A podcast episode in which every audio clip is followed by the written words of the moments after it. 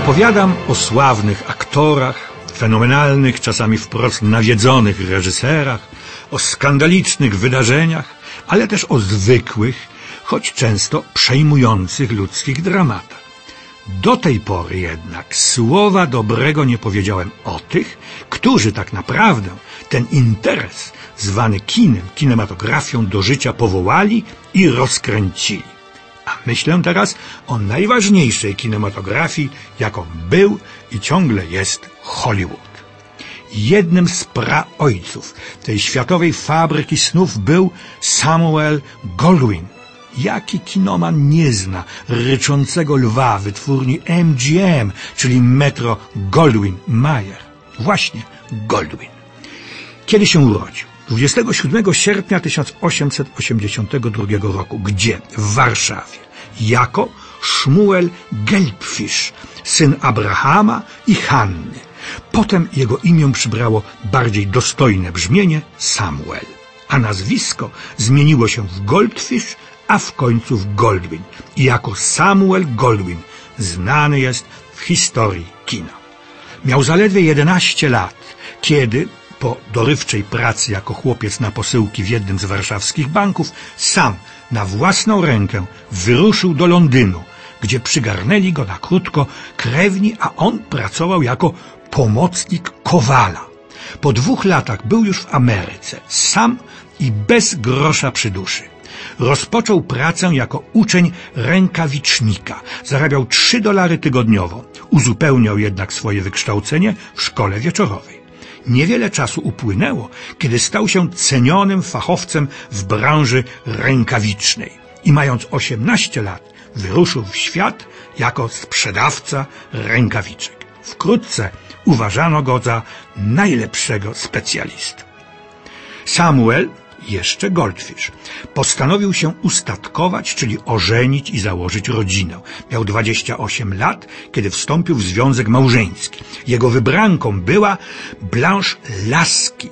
To nazwisko, które już za chwilę będzie sławne w Hollywood. Brat Blanche, Jesse Lasky, był jeszcze wtedy aktorem wodewilowym. Kiedy niekorzystna dla rękawiczników polityka podatkowa rządu Stanów Zjednoczonych doprowadziła ich do mizerii, Samuel Goldfish i jego szwagier Jesse Lasky postanowili zmienić zawodowe zainteresowania i spróbować szczęścia w branży wprawdzie zupełnie nowej, ale obiecującej. Dobrzy biznesmeni w mig to wyczuli. W 1913 roku powstała Jesse Lasky Feature Play Company, czyli spółka produkująca filmy fabularne. Szefem głównym był Jesse Lasky, skarbnikiem Samuel Goldfish, zaś głównym reżyserem, uwaga, wkrótce sławny Cecil DeMille. O nim innym razem, bo to odrębna, fascynująca opowieść. Ta trójka, Lasky, Goldfish, DeMille, zainaugurowała swą działalność filmową mężem Indianki. Film cieszył się takim powodzeniem, takimi wpływami do kasy, że spółka w ciągu roku działalności wyprodukowała z powodzeniem dalszych 21 filmów fabularnych. A trzy lata później spółka połączyła się z Cukors Famous Players Adolfa Cukora. To kolejny legendarny producent wczesnej ery hollywoodzkiej. Nasz bohater, Samuel, ciągle jeszcze Goldfish, został szefem zarządu. Sanuk był prezesem, a Jesse Lasky wiceprezesem. Jak to jednak w biznesie i w życiu bywa, zaczęła się klasyczna walka o władzę. W końcu Zanuk i Laski pozbyli się Samuela Goldfisha no, za okrągłą sumkę 900 tysięcy dolarów. W tym samym 1916 roku tenże Samuel Goldfish powołał do życia nowe przedsiębiorstwo filmowe z Edgarem Selvinem i innymi. Nazwali je Goldwyn z połączenia dwóch sylab Goldfish i Selwyn. Interes rozwijał się wspaniale i w 1918 roku, notabene ostatnim roku I wojny światowej, Samuel Goldfish przybrał oficjalnie nazwisko Goldwyn.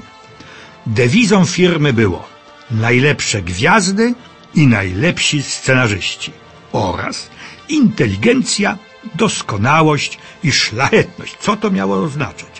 Tylko zrealizowane filmy mogą na to odpowiedzieć. A były to innymi filmy z Gary Cooperem, Davidem Nivenem, Willem Rogersem czy Merle Oberon.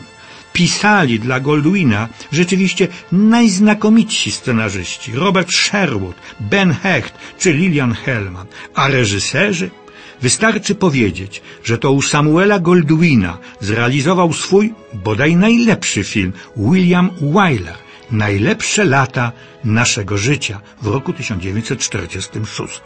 A wichrowe wzgórza, Człowiek z zachodu, czy ostatni, Porgi i Bez, adaptacja znakomitej opery George'a Gershwina. Samuel Goldwyn był nie tylko wytrawnym producentem filmowym, pionierem Hollywoodu, ale także hojnym filantropem i autorem inteligentnych, celnych, kapitalnych powiedzeń. Na przykład, słowne porozumienie nie jest warte papieru, na którym zostało spisane. Proszę zapamiętać.